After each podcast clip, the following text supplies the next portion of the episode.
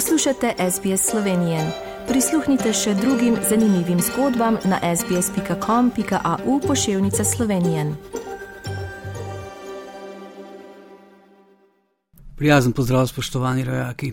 Tako kot od konca mandata prejšnje vlade je tudi začetek mandata nove vlade Roberta Goloba v znamenju ukrepov, s katerimi želi vlada omiliti posledice vse večje draginje in inflacije.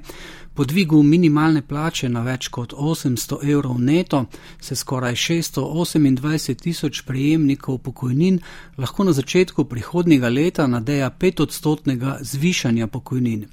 Ta teden je vlada potrdila tudi predlog interventnih ukrepov v vzgoji in izobraževanju, s čimer se zamrznejo cene malic, oskrbnin v diaških domovih in bivanje v študentskih domovih. Prav tako je spremenila tudi predlog novele zakona o pomoči gospodarstvu, s katero bo več kot podvojila pomoč zaradi visokih cen elektrike in zemeljskega plina. Namesto 40 bo po novem gospodarstvu namenila 86 milijonov evrov. Višji bo tudi odstotek pomoči subvencioniranja energetskih stroškov in sicer z 30 na 50 odstotkov, hkrati pa je v sektor vlada vključila še kmetijstvo in ribištvo ter zavode in družbe društva, ki upravljajo gospodarsko dejavnost. Na drugi strani pa bo državni zbor v teh dneh na dveh izrednih sejah razpravljal o še dodatnih ukrepih.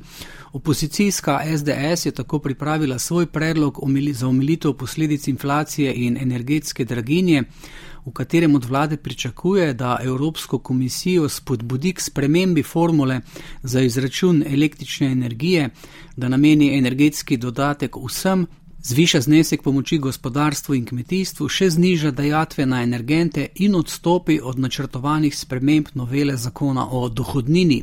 Druga izredna seja pa bo namenjena potrjevanju zakona, ki za tri mesece prinaša dvakratno denarno pomoč upravičencem do otroškega dodatka. Med bolj odmevnimi ukrepi vlade v minulem tednu pa je odpoklic slovenskega veleposlanika v Združenih državah Amerike Toneta Kajzerja zaradi kršitve zakona o zunanjih zadevah. Kajzer je namreč nepooblaščeno poslal depešo ministerstva predsedniku SDS Janezu Janši, ta pa je posnetek zaslona objavil na Twitterju.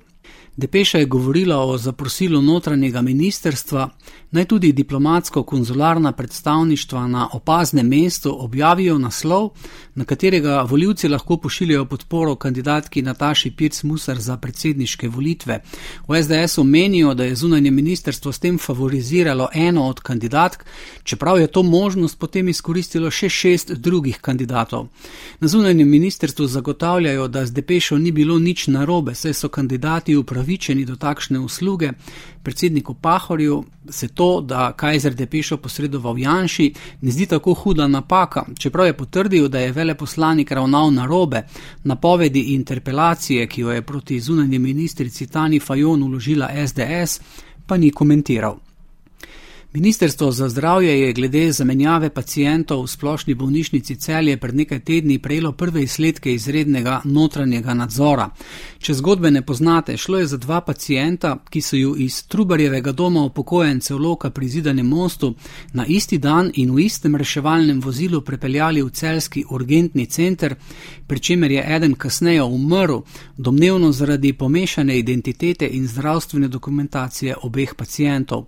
Notranji nadzor v celski bolnišnici je sicer prst usmeril v reševalca zdravstvenega doma Sevnica, to da na Ministrstvu za zdravje pravijo, da bodo zaradi vseh nenavadnih okoliščin in nedoslednosti, ki so se dogajale ob sprejemu in tekom zdravljenja v celski bolnišnici, ter zaradi objektivne odgovornosti in suma kaznivega dejanja povzročitve smrti z malomarnosti proti vodstvu celske bolnišnice podali ovadbo organom pregona.